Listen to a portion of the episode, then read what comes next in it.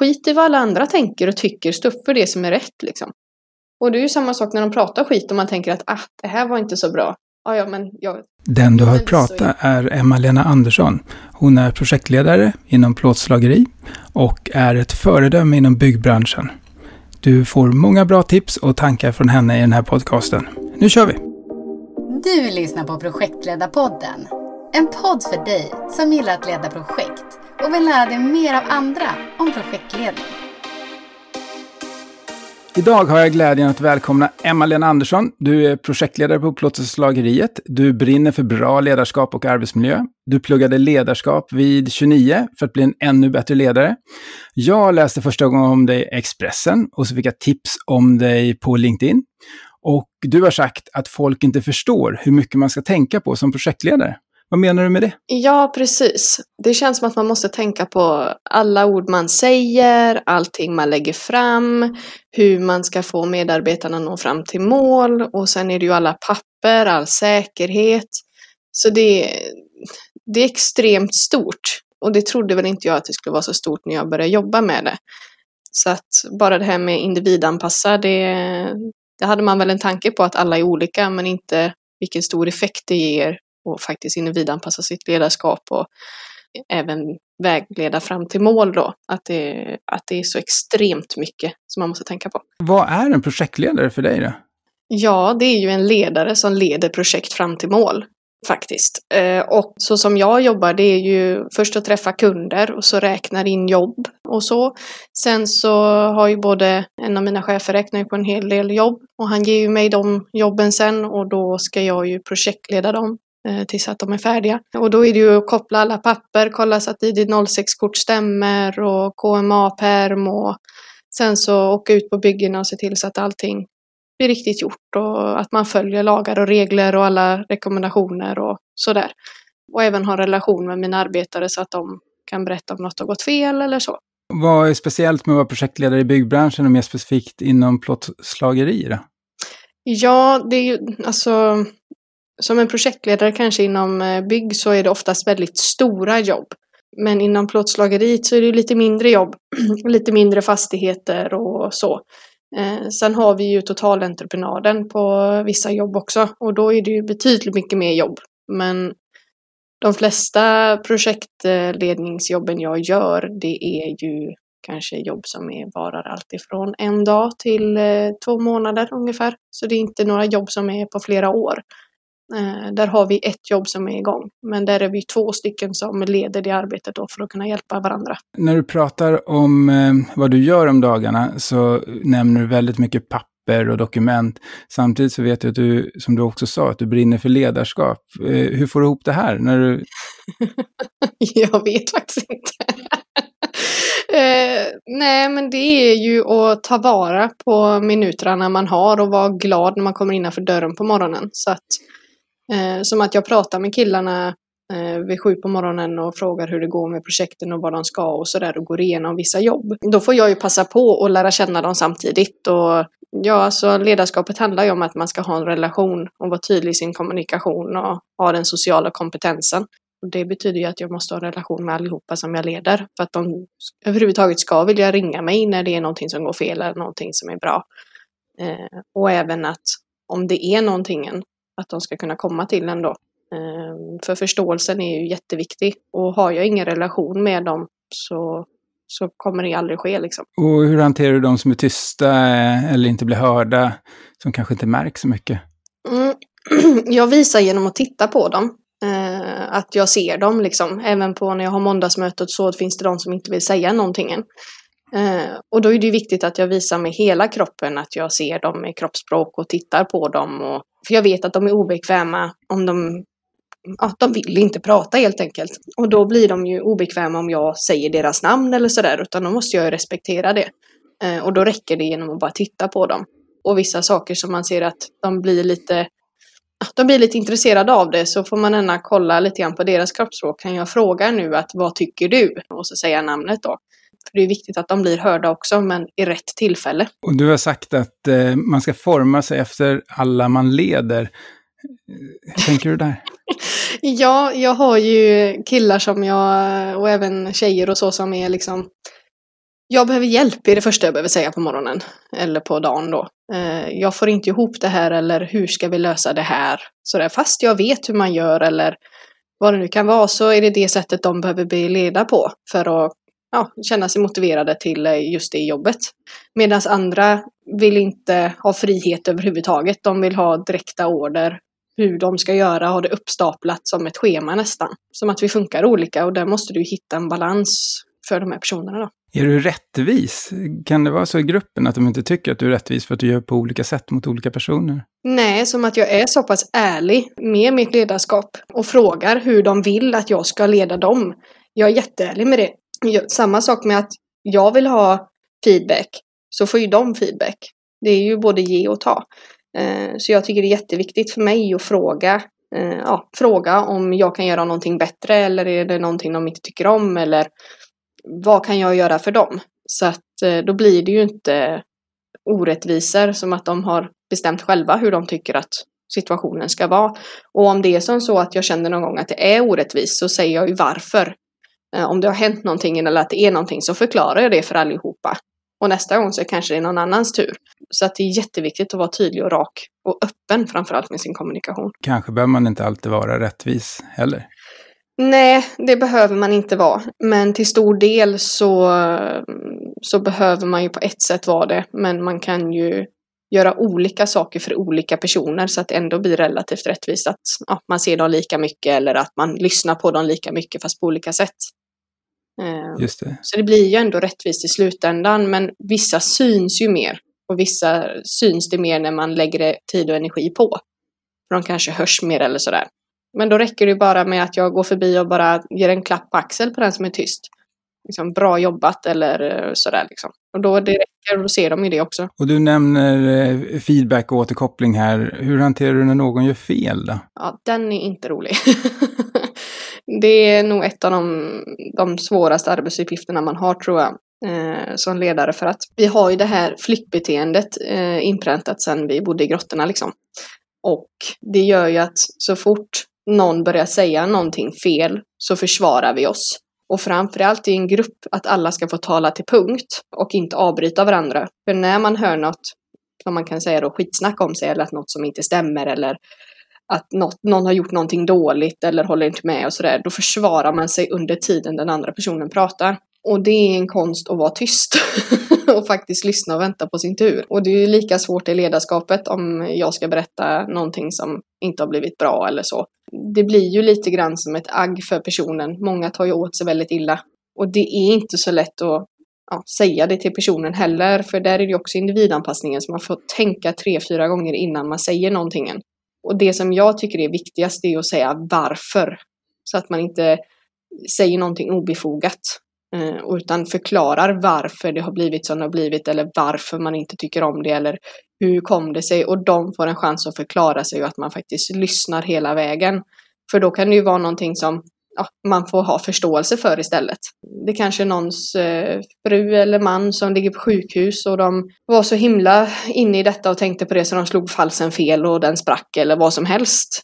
Och då tycker jag väl inte att man kan beskylla personen för att herregud, vad gör du? Utan där är det jätteviktigt att ha förståelse och vända det på ett bra sätt. Att men, jag förstår och alla kan göra fel. Det är ingen fara. Och du behöver inte stressa ihop någonting heller utan jag förstår dig. Till skillnad om jag hade sagt men herregud vad fan håller du på med? Få ihop den där skiten nu. Klockan går. Då kommer de ju slå ihop den falsen fel en gång till. För de är lika stressade och mår till och med sämre och kanske är hemma dagen efter. Så det är jätteviktigt att hålla det lugnt och sansat och vara väldigt saktydlig och berätta varför och lyssna, tror jag.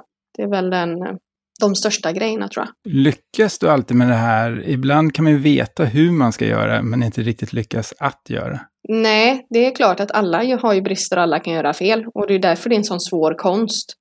Men jag ser det som en ständig utveckling. Att gör jag något fel så kommer jag på mig själv och är ärlig med det direkt. Men herregud, nu lyssnade ju inte jag 100%. Nu får du ta om det där, förlåt mig. För att jag kommer på mig själv. Och då nästa gång så, ja just det. Så påminner jag mig själv och jag är ärlig när det sker. Så att jag kan förbättra mig till nästa gång. Och gör jag inte det så kan jag inte utvecklas heller. Och jag har ju kommit väldigt långt men man blir ju aldrig färdig. Hur hanterar du när andra personer på bygget lovar saker och inte håller och hindrar dina killar? Och kanske tjejer? Ja, då kontaktar jag dem och är rak och ärlig. Och där vill jag ha allting nedskrivet, kommunikationen och sådär. Folk kanske tycker jag är löjlig men säger vi något muntligt så kommer jag skicka bekräftelse på mail sen. För annars händer ingenting. Och det har, den läxan har man ju fått lära sig hårda vägen liksom. Men när det är stopp och så då, då är det ju att prata med dem och få förståelse också. Prata med killarna men då måste ju de ha förståelsen tillbaka om de inte har haft kommunikationen som är jätteviktig innan. Har de sagt att vi ska vara där en viss dag och de vet att de inte blir färdiga till den dagen och jag skickar ut killarna eller tjejerna då. Alltså det är klart att jag blir irriterad för att hade de sagt det två dagar innan när de visste detta så hade jag ju kunnat skicka dem på annat. Och då får de ju kanske vänta sen, då får de ha förståelsen tillbaka, att då kanske de får vänta sen. För att då håller de ju på med något annat jobb som var lovat efteråt egentligen. Det jobbar jag jättemycket med, kommunikationen och även är väldigt tydlig där att berätta det här nästa gång, det är ingen fara. Och liksom försöker få väldigt mycket det här kommunikationen och förståelsen som jag sagt flera gånger. Att det ska ge effekt och det gör det ju. Eh, så det är mer och mer sällan som det händer idag mot vad det gjorde i början när jag började jobba här. För det måste vara nyckeln, att hur man lyckas hålla alla i arbete hela tiden. Hur, hur planerar du? Vad har du för verktyg? Tips och tricks? Ja, vad har jag för verktyg? Delegera ut.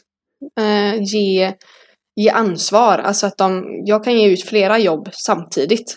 Så att de själva känner att de eh, har hand om det här och att när det är någonting så ringer de mig. Men att de har hand om det för att det ger dem motivationen till att driva sig själva. Och även driva sig till att shit nu, nu händer någonting här. Och då ger de ju den, mig den kommunikationen. Så att då kan jag ju planera in något annat jobb som jag har liggande. Men jag vet att de har koll på de här och sen så håller jag koll på hur, hur det går för dem istället. Så är det de själva som bestämmer och då tar det inte lika mycket tid för mig utan att ja, de får ansvaret och de har flera stycken för annars så hade jag, hade jag inte hunnit med. Det är ju liksom 15 killar igång hos oss här just nu. Så att eh, hade inte jag gett dem flera stycken jobb samtidigt och ansvaret för dem så vet jag inte riktigt om jag hade hunnit med faktiskt. Det, de är ju jätteviktiga spelare i vårt lag liksom. Och det, det måste de ju få känna också att de är viktiga och en del i, i vårt lag. Och hur lyckas du få dem att återrapportera då? Det gör jag genom att eh, jag mejlar dem eller ringer eller eh, smsar dem och sådär. Så att jag har ju den kommunikationen, hur går det för er? Eh, så att jag hela tiden kollar hur det går. Annars så kontaktar de ju mig nästan bara enbart när det händer någonting. Och då har ju jag inte riktigt koll på hur mycket som är gjort. För jag vill gärna ha reda på det på eftermiddagen, hur mycket det är som är gjort. Och att de chansar på hur många dagar de har kvar eller sådär. Så att de får ha lite tidsperspektiv själva. För om de kommer in på morgonen till mig och säger att jag har inget jobb idag, då har, miss, då har jag ju missat i min kommunikation med dem och även de med mig. För att då har jag inte kunnat planera in något nytt och då tar det ju tid och då står de ju stilla. Så det är jätteviktigt att hela tiden återkoppla och det gör jag genom både smsa och mejla och ringa och så då. Kolla hur det går. Och sen åker jag ju även ut på byggena för att besikta av och se, se till så att egenkontroller och så blir gjorda. Hur hinner du med allting? jag vet inte. Jag tycker det är roligt. Det är väl det som driver mig kanske. Jag vet inte. det låter som du har oerhört hög ambition. Och det finns ju risker med det. Har du känt av några sådana? Nej, alltså nu har jag i och för sig tre diagnoser, men men, nej men alltså tycker du någonting är väldigt roligt, eh, då är du väldigt motiverad och självmotiverad. Eh, och då kör du ju. Och då finns det ju ingen tid för negativa tankar eller negativiteten som är, utan då brinner du för någonting och tycker det är roligt och då går ju dagarna fort och det är Ja, men du blir självmotiverad helt enkelt. Och det är klart att ringer min telefon sent på kvällarna hela tiden, då, då tappar jag det. Då vill jag inte riktigt. Eh, för då känner jag att det är min tid. När det är något viktigt eller att det är eh, att några killar är igång eller att det är någonting med någon ställning eller ja, att det är något akut, då eh, självklart. Men när det är vissa som ringer klockan 9-10 på kvällen för att de vill prata om eh, något jobb eller så som ska vara längre fram. Det, då blir jag inte självmotiverad. och hur hanterar du den situationen då? Jag säger som det är, att eh, klockan är efter fyra. Eh, du får jättegärna skicka mig ett sms så kan jag titta på det när jag känner för det. Eh, annars ringer jag dig imorgon. För nu har jag min tid med mina barn och det jag lever för när jag inte är på jobbet. Och ja, de flesta har ju förståelse för det. Sen finns det ju de som, om jag måste ha in offerten nu, nu, nu. Ja, men då hade du kunnat säga till mig förut idag eller flera veckor sedan för du ber mig om en offert på som jag inte har hört talas om och du ska ha den nu. För att det är du som har missat att fråga mig om en offert. Ber man på ett väldigt snällt sätt och så, då, då kanske man kan lösa det. Men eh, annars så, eh, det här med att man antar och tar för givet eh, att man inte har något annat liv, det är inte okej tycker jag. Då har de inte förståelse faktiskt. Nej, och du nämner här vad som är viktigt och jag vet, du har också sagt att ledarskapsutbildningar är väldigt viktiga. Har du något tips om några eller vad du har gått för någonting? Ja, eh, jag går ju på Teknikhögskolan eh, i Uddevalla, bygg och anläggningsledare gör jag och den är ju tvåårig då, så jag har gått ett år nu då. Och den är ju på halvtid så man kan göra den vid sidan av skolan. Så det är ett jättebra alternativ. Och de har ju flera olika utbildningar. Eh, sen i plåt och väntföretagen så har de en grupp som heter Framtidsgruppen. Eh, som de har utbildningar med. Som mina chefer har gått på. Eh, sen har väl de flesta fackförbunden olika utbildningar och kurser. Som man kan gå. Och sen finns det även online då som man kan söka för det finns väldigt många som är bra. För jag tycker att alla ledare ska gå det för det gör en så otroligt stor skillnad. Jag var ju arbetsledare innan jag sökte in. Och jag trodde ju att jag man är ju sån, man tror att man är duktig, man tror att det går. Alltså, det är inte ens egna fel, det är, de borde förstå vad man har sagt eller sådär. Men det lärde man sig ganska fort. Shit, det är ju ledarens ansvar allt som är. Så att, eh, ja, nej, det, jag rekommenderar starkt att gå eh, ledarkurser om man är någon typ av arbetsledare. Faktiskt. Vad är det största du har tagit med dig därifrån? Du har nämnt några saker här. Mm, min egna personliga utvecklingsresa jag trodde inte att det var så stort med hur mycket man själv var tvungen att förändras. Um, och det har jag tagit med mig. För jag vill ju så gärna bli den bästa emotionella, emotionella ledarskapet. Så att det är ju EQ, inte IQ, utan EQ. Uh, det är ju personlig kompetens och social kompetens. Och det betyder ju ja, förmågan att uppfatta andra som ens egna känslor och vad det gör för andra då. Um, så det är väl den absolut största grejen jag har tagit med mig tror jag. Accepteras det i byggbranschen att tänka på det sättet? Nej, det gör det inte. Utan där kommer det återigen varför, varför, varför, förklara och förståelse. men det är mer när de ser effekten. Det tar många år för många. Men när de väl ser det och förstår så är det så självklart. Men folk är så rädda för förändring. Och förändringar är ju någonting man ska se som utvecklingsmöjligheter. Inte något som är jobbigt eller är i vägen eller sådär. Utan försöka se positivt på det alltid. Även förändringar om det går något fel i något bygge eller någonting, se det som en utveckling till nästa gång. Eller att man kan ta chansen att lyssna på sina medarbetare och lyssna på idéer som de har. För att man ska kunna lösa det tillsammans. Och då återigen får man relation med sina arbetare. Så att alltid försöka se allting positivt. Då kommer man väldigt långt faktiskt. Hur jobbar ni med lärande då? Du säger att eh, få återkoppling om vad som har hänt och lära sig. Men hur tar ni med er det till nästa bygge? Eh, jo, genom att jag har ju måndagsmötena. Sen har jag ju medarbetarsamtal och så med de anställda här. Eh, som, att de är, som att jag är byggchef också. Jag är inte bara projektledare utan jag är byggchef så jag har hand om medarbetarna. Nej, men det är viktigt med de stunderna. Att man, även om, om vi har, vi chefer här har ett eget fikarum. Så det är jätteviktigt att varför ska jag sitta själv här inne om de andra inte är här? Utan då är det klart att jag går ut till de andra och äter. Så eh, jo, men att man alltid tar vara på alla stunder och faktiskt pratar och ställer nyfikna frågor och lyssnar på utvecklande svar. Och genom det coacha fram så att, man, så att de får ett eget svar på sin egen fråga, eller man ska säga. Då lär man sig otroligt mycket. Och vi pratar ju om på måndagsmötena då hur, vad hände? Hur gör vi till nästa gång? Har ni någon erfarenhet? Vad kan vi tänka på? Då är alla med i diskussionen och så då när det är liksom inte personliga grejer utan eh, ja, om det har hänt någonting bara. Och då får de ju förståelsen för att det här faktiskt kan hända. Samma sak med säkerhet på byggena. Att många tänker att jag ska bara. Och så den där jag ska bara blev ganska stort sen. Så till kommunikationen återigen. Och lyssna på alla och göra det när alla är med. Och sen sitta själv med dem och lyssna och vara med och coacha och bara finnas där. så löser det mesta sig själv faktiskt. Och hur hanterar du de personerna som bara tycker sånt här är flum och de i samtalet med dig så håller de med men sen så händer det i alla fall inte? Nej, det lär man sig. ja, man lär sig kroppsspråken och sånt också. Då är det återigen att fråga hur kommer det sig? Eller hur gör vi då? Det är inte meningen att jag ska svara på frågorna utan då får de svara själva och då hänger jag ju med på och se att har de förstått vad jag har sagt? För att återkopplar jag genom att ställa tillbaks frågan Har jag förstått dig rätt nu? Eller har du förstått mig rätt nu? Vad sa jag då? Eller hur tänker vi då? Hur tänker du då? Så att det är liksom har de, är de bara sådana då som följer med så trubblar de runt sig på sin egen tunga och då blir det pinsamt och då gör de inte det nästa gång. Bra. Jag nämnde ju att jag läste om det i Expressen. Kan du berätta mm. om det? Ja, oj. Ja, det hände någonting där. Alltså, från början så, så har jag jobbat med det här i 9-10 år nu med plåtslageri. Och jag har blivit så pass nedtryckt eh, i alla år. Och varit arbetsledare och så också. Och det är ingen som har gett mig stöd uppifrån ledningen. Det har varit väldigt ensam position. Och jag har mest bara fått höra, men så är det. För att han är äldre och utländsk. Det är klart att han tycker det är jobbigt att du är yngre och tjej och har en övre roll. Ja, fast så ska det inte, du får ju prata med dem så att vi liksom kan komma fram till någonting.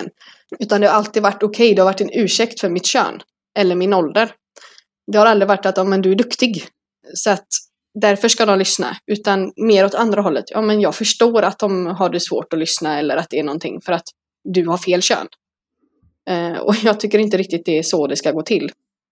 Utan jag har hamnat där jag har hamnat av olika anledningar. Och så en vän till mig sökte in till eh, bygg och anläggningsledare. Och då tänkte jag att ja, ja, men det gör jag med då, bara spontant.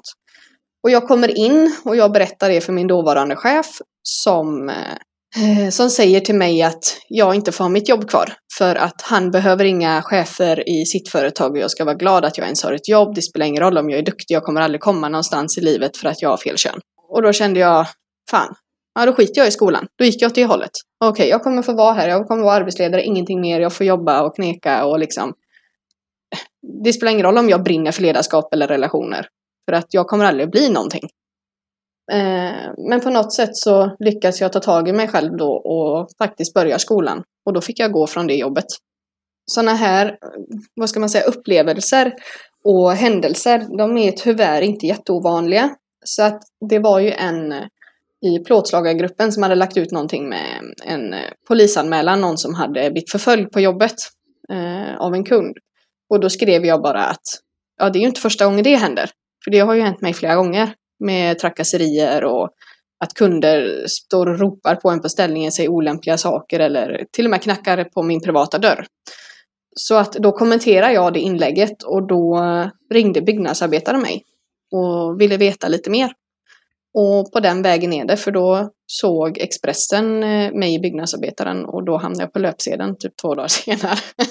så jag blev lite förvånad när jag såg mig på löpsedeln sen. Men eh, ja. 2020 är det ju nu. Eh, mm. När jag började byggbranschen 96 så förde man samma diskussion. Ja. Hur tänker du? Det är tyvärr så som det ser ut för att då tyckte alla att det var löjligt. Eh, och det är många som tycker det är löjligt än idag. Och förstår inte att det ser ut som det gör ute på byggena utan de, vissa som är ute på byggena de bara, men jag har ju aldrig sett det här. Nej, för hur många tjejer finns det?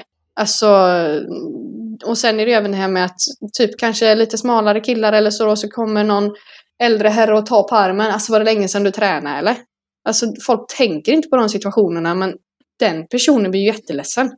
Det är ju ett hån rätt framför alla och alla skrattar och tycker det är jättekul. Men det är ju den här machokulturen som de, många tänker ju inte ens på att den existerar för att de lägger ingen vikt i det. För de har själva inte blivit utsatta. Och det hände ju ingenting 96. Eh, men däremot när metoo-kampanjen kom ut så tog ju eh, Byggnads upp detta igen. Ehm, och då blir, sen dess har det börjat utvecklas och blivit större och större. Och jag tycker ändå vi har kommit ganska långt, men tyvärr inte så långt som vi har borde ha gjort. Jag förstår inte varför det ska ta sån tid. Det är väl någonting som egentligen är självklart, men det är ju tyvärr inte det. Har du några tankar om vad det är vi ska göra? Ja, det är ju att bara dela artiklar, prata med alla som är på byggena, stå på er liksom. Inte istället sitta tyst när de eh, tjötar skit och bara åh vad de är löjliga. Utan ställ dig upp, säg som det är. Ja, ja, nästa, då kanske du är ensam om det, men om två dagar så kanske det är någon till som vågar ställa sig upp. Skit i vad alla andra tänker och tycker, stå upp för det som är rätt liksom. Och det är ju samma sak när de pratar skit och man tänker att ah, det här var inte så bra. Ja, ja, men jag, jo, men visst så är det liksom. Ja, ja, men jo, jo, men så är det klart. Ja, ja, men det låter bra. Bara för att få bort det. Då tror ju den människan att han har folk på, eller hon har folk på sin sida. Så att säg ifrån istället. Skydda de personerna som blir utsatta. Skratta inte, flina inte, det är inte kul, var inte tyst. Gör någonting liksom. För att så fort en börjar så reser sig ju mer och mer för varje gång. Man behöver ju inte göra en stor demonstration, men gör man förändring på arbetsplatserna där man jobbar varje dag så är det ju förändring på den arbetsplatsen. Och så gör någon annan det på någon annan arbetsplats så är det ju förändring där med. Så att då sprider det sig ju. Eller vad man ska säga. Så ja, stå upp för allas lika värde och liksom när, när du känner att ah, det där hade inte jag sagt till, eller inte velat att någon skulle säga till min fru eller min dotter eller son. Eller så jag hade mått dåligt om den personen hade sagt så. Då är det ju någonting som är fel. Så varför ska man då vara tyst? Vi är ju inte på en skolgård liksom. Vi är vuxna människor. Så ja, det är väl det jag tänker mest. Alltså sprida budskapet typ. Jag hörde dig berätta om eh, när det var en praktikant som hade varit med och du hade varit ute på bygge och någon hade sagt någonting olämpligt och du hade bara accepterat det. Ja, nu ska vi se. Ja, nu var det ju... Eh, det var jag som... Eh, ja, han, den gubben, sa ju dumheter till mig. Eh, bland annat att jag skulle stå i köket som hans fru. Eh, jag skulle tvätta och han förstod inte vad jag gjorde på bygget. Och han blev arg på mig helt enkelt för att jag var där. Och jag tänker mig att, ah, inte en sån gubbjävel till.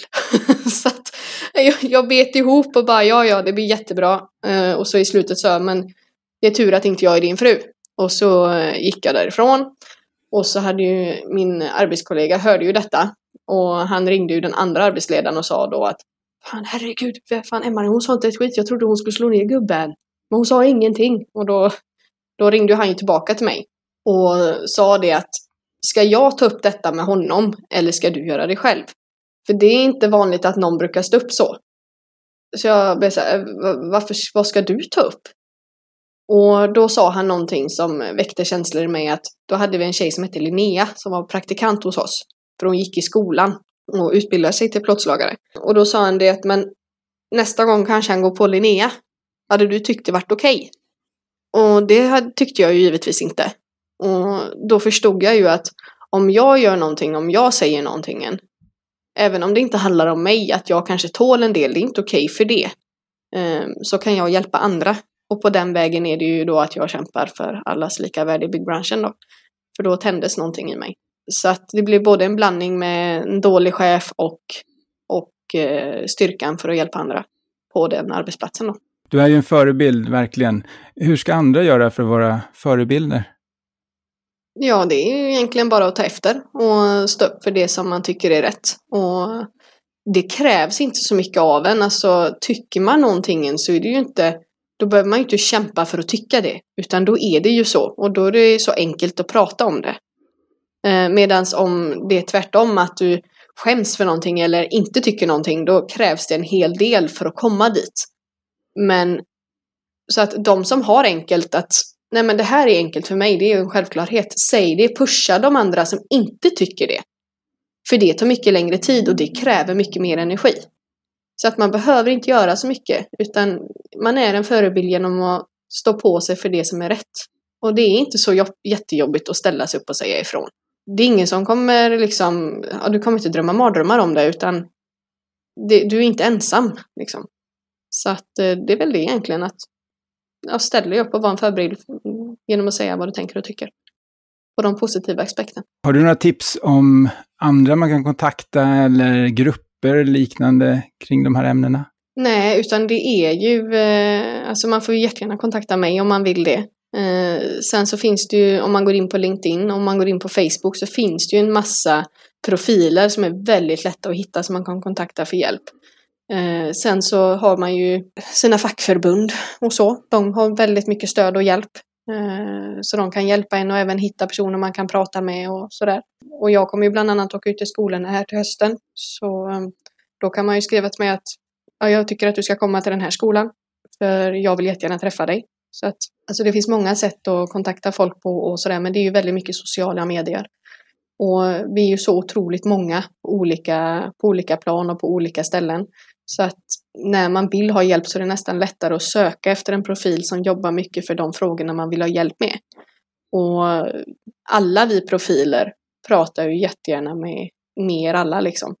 Eh, så man behöver inte känna skamsen för att kontakta någon eller så. Jag tar ju jättegärna emot folk när de pratar med mig då. Så det är ett x antal samtal och mejl som jag har fått hjälpa andra med och det är bara roligt. För då har det ju verkligen gett effekt det som, det som man gör. Så att man söker på profiler på nätet på det som jobbas och så kontaktar man den personen i fråga. Då. Och om man vill kontakta dig, vilken väg är enklast då? Ja, jag finns ju, antingen så söker man ju bara Emma-Lena och det sitter ju ihop. Så kommer det upp en x antal sidor på, på nätet, annars så är det ju Plåtslageri 1 eller Facebook, LinkedIn. Så det är ju söka mitt namn så kommer ju massa olika kontaktvägar.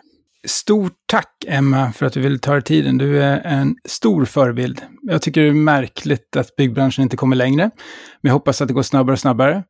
Och då, det du har berättat är ju jätteintressant och jag gillar verkligen de tipsen som du har givit här. Stort tack! Tack så hemskt mycket för att jag fick vara med. Jättekul! Tack för att du har lyssnat på Projektledarpodden. Hör gärna av dig till oss med idéer, tips och förbättringsförslag. Det gör du enklast via mejl på lyssnare projektledarpodden.se eller vid det sociala nätverk du föredrar.